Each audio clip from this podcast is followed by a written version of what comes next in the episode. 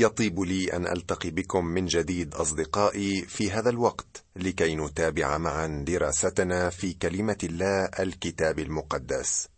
أعيد وأكرر رجائي ألا يكون القصد الوحيد من دراستنا زيادة المعرفة بل أن نسمح لله أن يجري تغييرا في حياتنا نحو الأفضل. انتهينا في الحلقة الماضية من دراسة الإصحاحين الثاني والعشرين والثالث والعشرين من سفر الخروج. ورأينا عبر تأملات في آيات متفرقة منهما الشرائع والقوانين والأحكام التي أرساها الله للشعب. القوانين والتشريعات الموجودة في الإصحاحات التي أمامنا تعالج كل تفاصيل حياتنا اليومية الدقيقة. وكثيرا ما يمل المرء من قراءتها وكأنه يقرأ كتابا في القانون. ولكن هذه الأحكام أساس قوانيننا وموجودة لحماية حياتنا وممتلكاتنا. وقانون اليوم يخبرنا أنه إذا دمرنا ممتلكات شخص آخر فعلينا أن ندفع ثمن الضرر أو نصلح الخراب. ولكن قانون الله أفضل لأنه يعوض أربعة أضعاف ولو كنا نعلم أننا سنعوض عن الضرر أربعة أضعاف لفكرنا أربعين مرة قبل أن نحدث الضرر. الطبيعة البشرية ما زالت كما هي منذ البداية والله يتعامل مع الإنسان بما هو أفضل له. رأينا قانون الدفاع عن النفس وحماية حقوق البريء. قانون الله يحمي ممتلكات الإنسان وبيته. وهذا يعطي الحق للإنسان للدفاع عن نفسه وممتلكاته وأحبائه. لو تبعت البشرية أحكام الله الموجودة في سفر الخروج لما واجهنا اليوم المشاكل الهائلة التي نراها في الشوارع والمدن والبيوت. إذا سرق أحدهم عليه أن يعوض عما سرق حتى ولو اضطر أن يبيع نفسه عبدا. رأينا الشرائع التي تخص الاغتصاب والسحر والشذوذ. رأينا اهتمام الله بالغريب والأرمل واليتيم.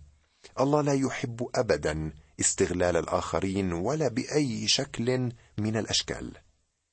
بعد ذلك تطرقنا إلى قانون الله للسلوك. إن النمام هو كالقاتل والسارق والزاني.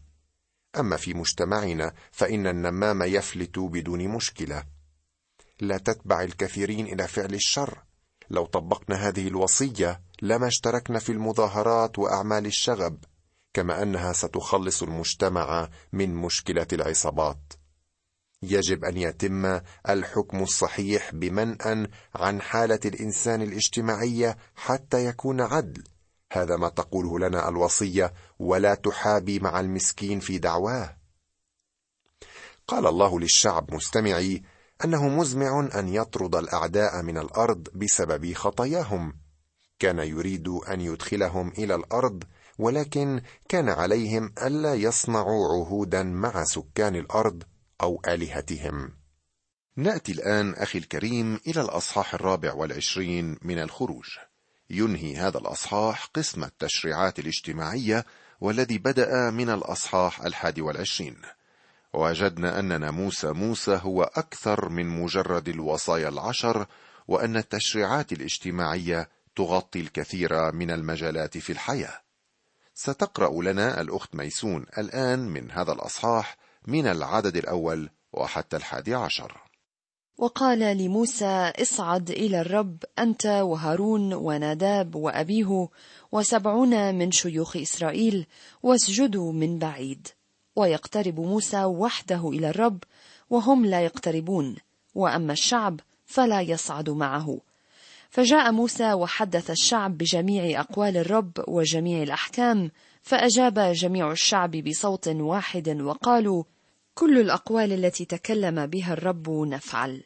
فكتب موسى جميع أقوال الرب وبكر في الصباح وبنى مذبحا في أسفل الجبل واثني عشر عمودا لأصباط إسرائيل الاثني عشر. وأرسل فتيان بني إسرائيل فأصعدوا محرقات وذبحوا ذبائح سلامة للرب من الثيران.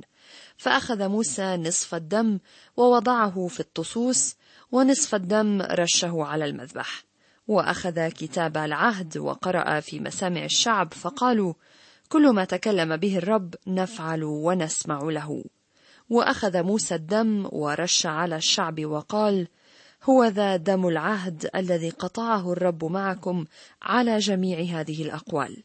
ثم صعد موسى وهارون وناداب وأبيه وسبعون من شيوخ إسرائيل ورأوا إله إسرائيل وتحت رجليه شبه صنعة من العقيق الأزرق الشفاف وكذات السماء في النقاوة. ولكنه لم يمد يده إلى أشراف بني إسرائيل فرأوا الله وأكلوا وشربوا. طلب الرب من هؤلاء الرجال أن يصعدوا إلى الجبل ولكن حتى هؤلاء الرجال المميزين كان عليهم أن يسجدوا من بعيد. كم كانت الأشياء تختلف تحت الناموس عنها تحت النعمة. كم اختلفت الأمور حتى عندما أخرجهم الرب من مصر وحملهم على أجنحة النسور. واليوم لا يمكنك أن تبقى تحت الناموس وتعبد الله عن قرب. تخبرنا رسالة أفسس في العهد الجديد ما يلي. ولكن الآن في المسيح يسوع أنتم الذين كنتم قبلا بعيدين صرتم قريبين بدم المسيح. واليوم يخلصنا الله ويقودنا عبر طرق الحياة بنعمته. فجاء موسى وحدث الشعب بجميع أقوال الرب وجميع الأحكام. فأجاب جميع الشعب بصوت واحد وقالوا كل الأقوال التي تكلم بها الرب نفعل. هذه المرة الثانية التي فيها يعطي أبناء الشعب تاكيدا لله بأنهم يريدون الوصايا والناموس وهم بذلك معتدون بأنفسهم يملأهم الكبرياء وعدوا بتنفيذ كل كلام الرب ولم يتسلموه بعد. قد تتساءل كيف يمكن للشعب أن ينخدع بهذه السهولة؟ ولكن تطلع اليوم إلى الناس الذين يحيون حسب الناموس ظانين أن خلاصهم فيه. يعتقدون أنه باستطاعتهم أن يوفوا مقاييس الله. يقول يوحنا الرسول في رسالته الأولى إن قلنا أنه ليس لنا خطية نضل أنفسنا وليس الحق فينا. لربما لن تخدع زوجتك أو جارك ولكنك حتما ستخدع نفسك إذا قلت أنك لا تخطئ. لاحظ أن يوحنا يقول عن هذا الشخص الذي لا يقر بخطئه أن الحق ليس فيه ويؤكد ذلك بقوله إن قلنا أننا لم نخطئ نجعله كاذبا وكلمته ليست فينا. صديقي الله ليس كاذبا حاشا. كل واحد لا يقر بعجزه وخطئه يجعله كاذبا. هذا ما تقوله الآية. وقد ظهر تكبر الشعب عندما قالوا كل الأقوال التي تكلم بها الرب نفعل. وسترى فيما بعد أنهم لم يحفظوا كلمة واحدة من كلامه. وبكر في الصباح وبنى مذبحا في أسفل الجبل وأخذ كتاب العهد وقرأ في مسامع الشعب. فقالوا كل ما تكلم به الرب نفعل ونسمع له. كان هؤلاء الناس واثقين من أنفسهم معتدين بذاتهم وهذا أسوأ أنواع خيبة الأمل. وعدوا أن يطيعوا الله ولكنهم لم يفعلوا ذلك. أنا وأنت لا يمكننا أن نرضي الله بسبب عجزنا عن إيفاء مطالبه. نحن ننسى أننا أعضاء في جنس فاسد. ما عليك إلا أن تنظر إلى العالم من حولك لتفهم ما أقول. انظر إلى الخطية والانحراف والإلحاد وإنكار الله في كل مكان. فعلا كما يقول بولس ليس بار ولا واحد. عالمنا اليوم انقلبت موازينه إذ يطلق على الخطية أسماء جميلة ويحول الصواب إلى خطأ. وأخذ موسى الدم ورش على الشعب وقال هو ذا دم العهد الذي قطعه الرب معكم على جميع هذه الأقوال. حتى قبل الناموس كان رش الدم ضروريا ليعرف الشعب أهمية الذبيحة. يقول كاتب رسالة العبرانيين وكل شيء تقريبا يتطهر حسب الناموس بالدم وبدون سفك دم لا تحصل مغفرة. نعم يجب أن تقدم حياة ما ويدفع الثمن قبل الدخول إلى السماء. ثم صعد موسى وهارون ونداب وأبيه وسبعون من شيوخ إسرائيل ورأوا إله إسرائيل. رأوا إله إسرائيل يجب أن تفهم هذه العبارة في ضوء فقرات أخرى من الكتاب. وتذكر يا أخي ما قلته في الحلقات الأولى من هذا البرنامج أن الكتاب المقدس يشرح نفسه بنفسه. في الواقع لم يقدر أحد أن يرى الله لأن الله روح. هذا ما يؤكده يوحنا في إنجيله. الله لم يره أحد قط. الابن الوحيد الذي هو في حضن الآب هو خبر. ما رأوه كان تمثيلا لله. لربما لن نستطيع أن نرى الله الآب في الأبدية بل سنرى الرب يسوع. ولكنه سيكون الكل في الكل وسيشبع قلوبنا. كل ما نعرفه عن الآب اليوم هو من خلال الإبن. أنا لا أعرف كيف يبدو الله الآب أو كيف يفكر لأنه قال لنا على فم إشعياء لأن أفكاري ليست أفكاركم ولا طرقكم طرقي يقول الرب. لأنه كما علت السماوات عن الأرض هكذا علت طرقي عن طرقكم وأفكاري عن أفكاركم. ولكن يسوع أظهره لنا. إذا ما رآه موسى وهارون وناداب وأبيه والسبعون من الشيوخ لم يكن إلا تمثيلا لله. المهم أن الله ظهر في نوره وبهائه في جلاله وقدسته فلم يعلن عواطف محبته كآب حنون لهم بل شبه صنعة من العقيق الأزرق الشفاف الذي يشير إلى جلال الله ونقاوته التي تجبر الخاطئ أن يبقى بعيدا. فرأوا الله وأكلوا وشربوا. في هذه الآية أيضا نجد أنهم رأوا تمثيلا لله وهذا برهان على طول أنات الله ورحمته. وسترى لاحقا أن موسى يطلب أن يرى الله لأنه لم يرى إلا تمثيلا له من قبل. وطلب رؤية الله كان في فكر فيلبس الذي قال ليسوع يا سيد أرنا الاب وكفانا.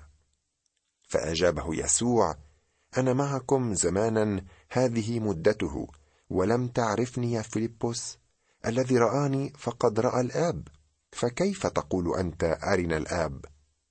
إذا كنت تريد أن تعرف الله يا صديقي وتراه بالإيمان تعال إلى المسيح.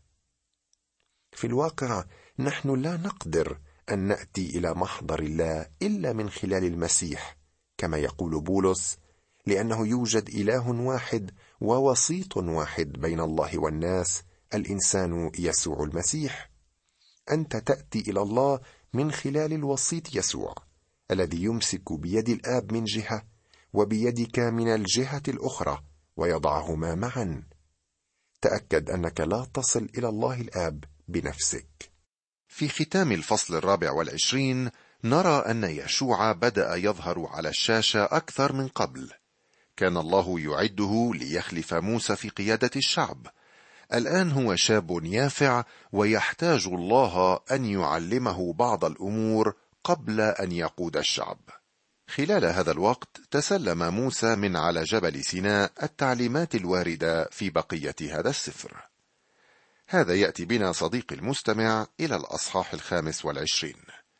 في الأصحاحات من الخامس والعشرين وحتى الثلاثين يعطي الله أبناء الشعب القديم المخططه لبناء خيمة الاجتماع والنموذج لصنع ثياب رئيس الكهنة.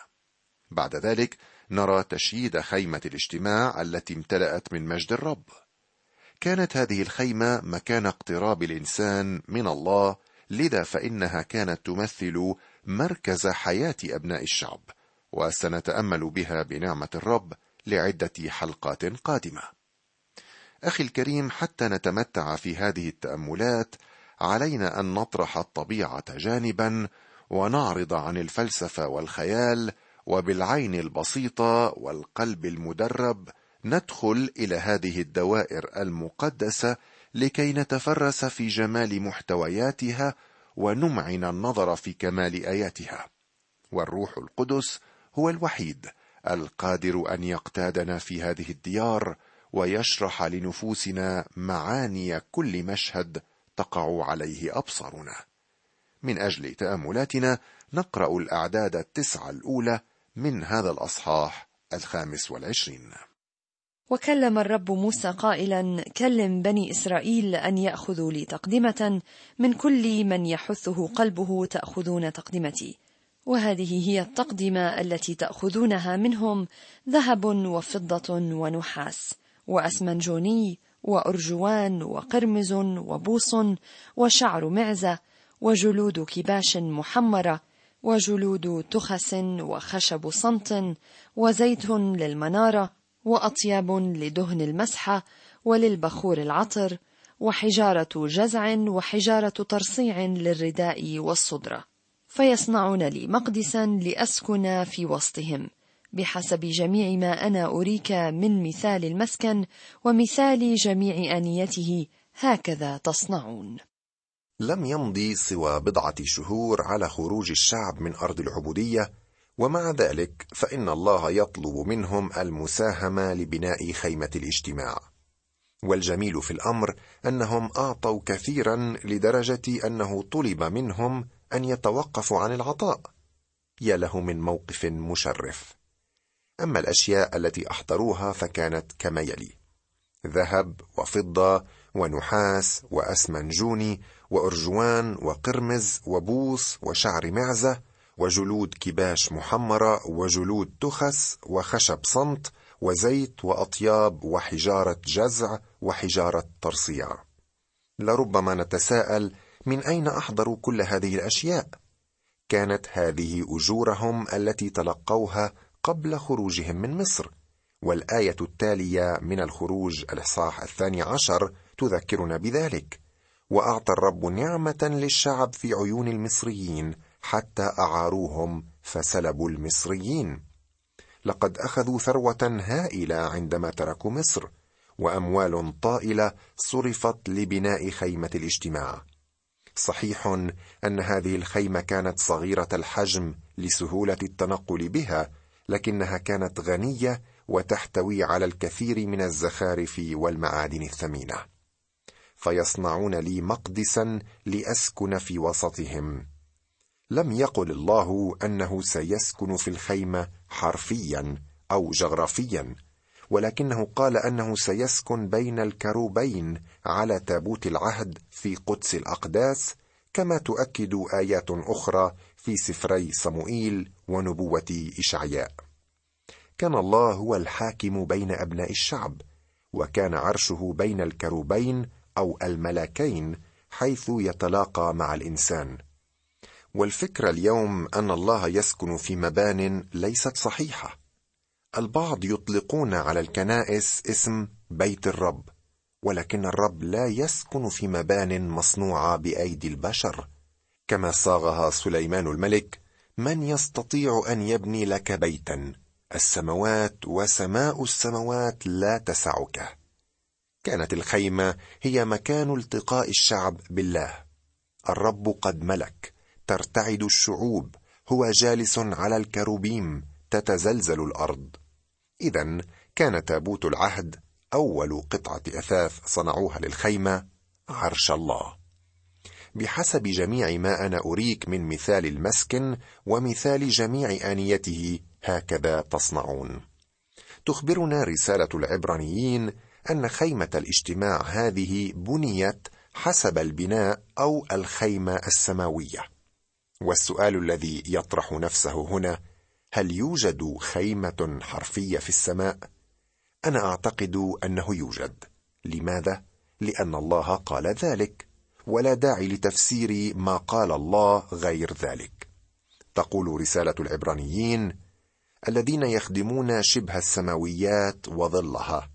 كما أوحي إلى موسى وهو مزمع أن يصنع المسكن لأنه قال انظر أن تصنع كل شيء حسب المثال الذي أظهر لك في الجبل.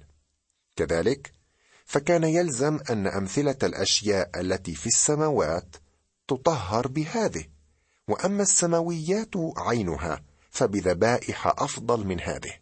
لأن المسيح لم يدخل إلى أقداس مصنوعة بيد أشباه الحقيقية بل إلى السماء عينها ليظهر الآن أمام وجه الله لأجلنا. كانت الساحة الخارجية أو الدار للخيمة عبارة عن مكان مغلق مساحته خمسون ذراعا أي حوالي ثلاثة وعشرون مترا مربعا. وكانت هذه الساحة تحتوي على مذبح النحاس والمرحضة. أما الخيمة نفسها أو المسكن فكانت تنقسم إلى جزئين رئيسيين القدس وقدس الأقداس. طولها حوالي أربعة عشر مترا وعرضها خمسة أمتار وارتفاعها خمسة أمتار. من الجدير بالذكر أن قدس الأقداس كان عبارة عن مكعب متكامل حجمه خمسة أمتار مكعبة. أثاث القدس كان عبارة عن مائدة خبز الوجوه المنارة ومذبح البخور. أما في قدس الأقداس فقد كان يوجد تابوت العهد وكرسي الرحمة.